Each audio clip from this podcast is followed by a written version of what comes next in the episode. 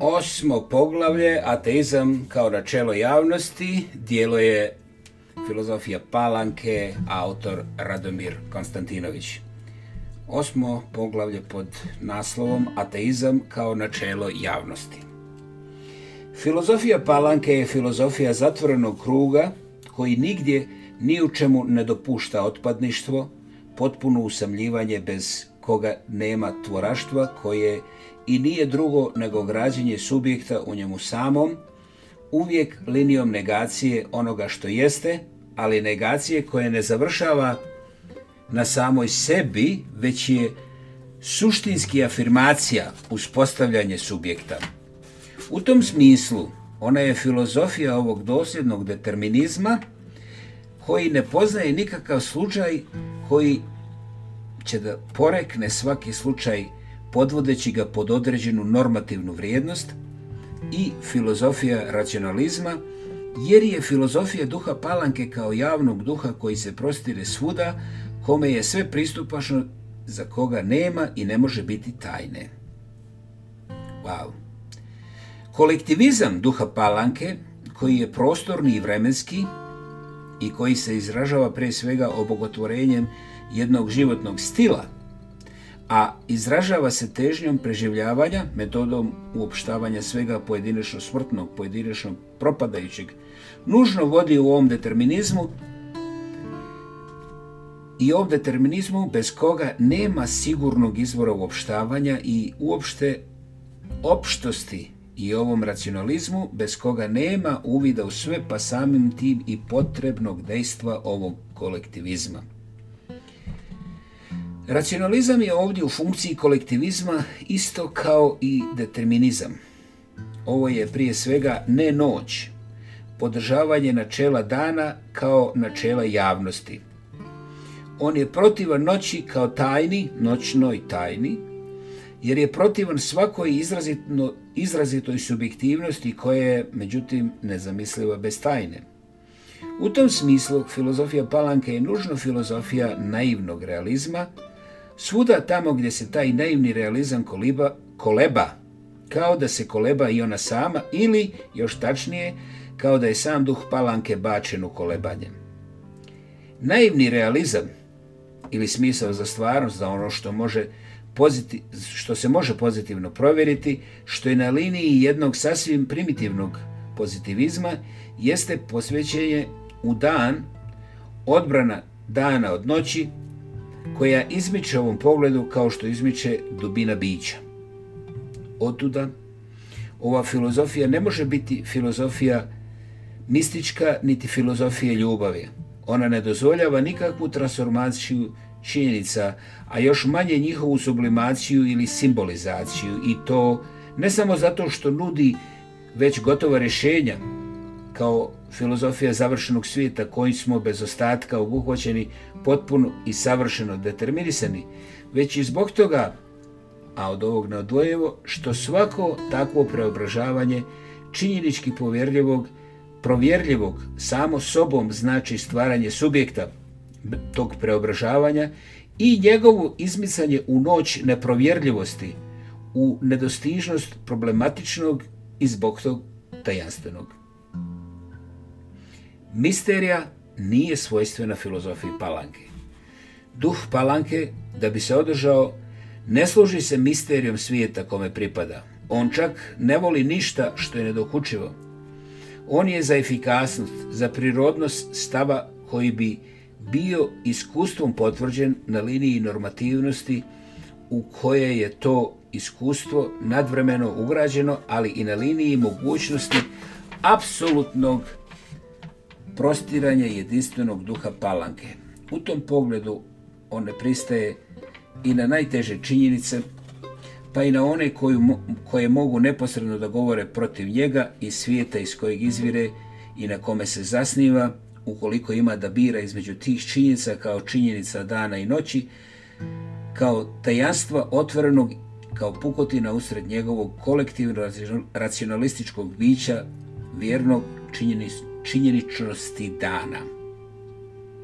Okrenut protiv pojedinačnosti kao nekolektivne i protiv kolektivne, on je okrenut protiv svake misterije.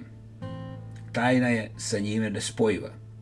On ide u tome dotle da radije prihvata i optužuje protiv sebe samog, a ne samo protiv svog nesvog svijeta, ukoliko te optužbe ostaju u sferi determinizma i empirizma, u sferi determinizma racionalizovanih činjenica koje se daju uvidu, koje izgrađuju dan kao jedno vrijeme i jedan jedini prostor duha palanke, nego što prihvata misteriju. Jezik politički kao jezik dana njemu je neuporedivo bliži od jezika misterije. Filozofija palanke, koja je filozofija van subjektivnosti, jeste filozofija neprestanog upućivanja nerealizamu. Duh palanke poziva realizam, doziva realizam po dvije linije. Po liniji van subjektivnosti onoga komu se posvećuje, pogotovo što je to deterministički realizam kojim se subjekt sam oglašava kao tuđa žrtva, pa time i, i kao objekt, i dva po liniji vjernosti danu, a protivljenja noći, koja je misterije i kao takva pauza u znanju dana, pauza u svijetu palanke, u svevlasnom njenom duhu. Filozofija palanke dozvoljava, pa ponekad i postiče čak i onaj realistički determinizam koji nastaje subjektivnim traženjem krivca za svoju sobstvenu vansubjektivnost u drugome, dakle izvan sebe, pa čak i u samom svijetu palanke, jer se ovim determinizmom koji se zasniva na sistemu eksteritorizacije sobstvenog zla subjekta u van sebni svijet, produžava i slavi nadmoć tog svijeta nad subjektom, jer se njime ovaj subjekt objekt palanke još dublje učvršćuje u njegovoj svijesti da je objekt i najzad, jer se on zadržava u danu, a uskraćuje noći. Empirizam i primitivno-racionalistički zdravorazumski determinizam filozofije Palanke zasnovani su na van subjektivnosti, na objektiviranju, pretvaranju objekt samog subjekta u smislu njegovog neprestanog držanja u, vlastiti kolektiviz, u vlasti kolektivizma stila i nerazlučivo od toga na potrebi apsolutnog uvida u sve jedne apsolutne kontrole i cenzure koja zahtjeva svjetlost dana otpadništvo je otpadništvo noći, otpadništvo koje računa na podjednako dobro sa misterijama lične mitologije i sa erosom i sa filozofijom drugog stila, pa čak i religijom. Filozofija Palanke je normativistička i normativna, nadlična i nelična filozofija i u tom smislu ona normativnost traži i stvara svuda, pretvarajući sve u stvar norme, zatvarajući svaku stvar u čvrste oblike normativnosti, pa i samu religiju.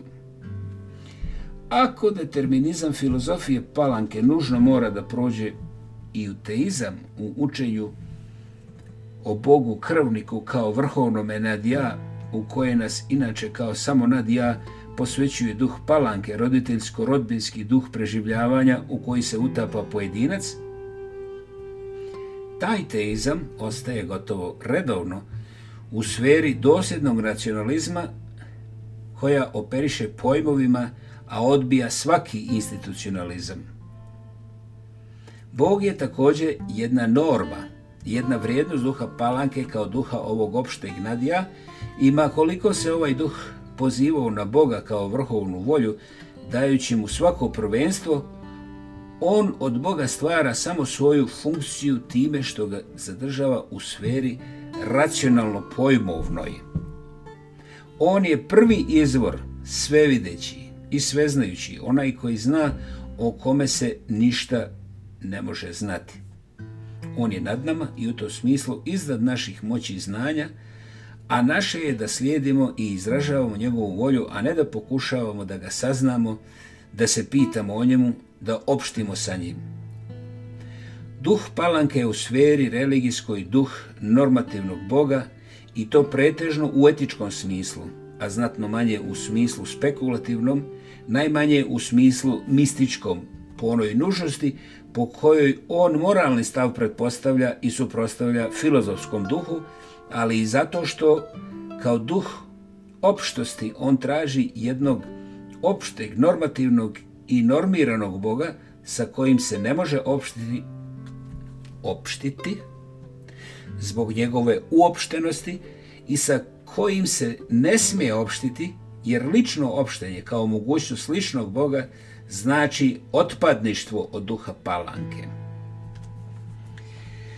Misticizam kao stvar ličnog opštenja nespojiv je sa normativno-racionalističkim zdravorazumskim trezvenim duhom palanke, pa je otud ovaj normativni teizam daleko više etički nego spekulativno metafizički, a najmanje mistički, skroz pozitivan i pozitivno pozitivistički, dnevan u svojoj suštini jedan ateizam i to ateizam kojim je Filozofija Palanke potvrđuje da je Bog za nju samo funkcija stavljena u službu njenih normi, Bog socijalnog života, Bog dana, a ne Bog noći. U svojoj zaverenosti protiv noći, ona se okreće i protiv Boga. Bog je zatvoren u normu, on je kategorija. Lišen ovako noći, on je jedan paradoksalni, racionalistički Bog koga uništava dnevno svjetlo empirizma, jedan nemogući racionalizovan Bog nemogućeg jer racionalizovanog subjekta.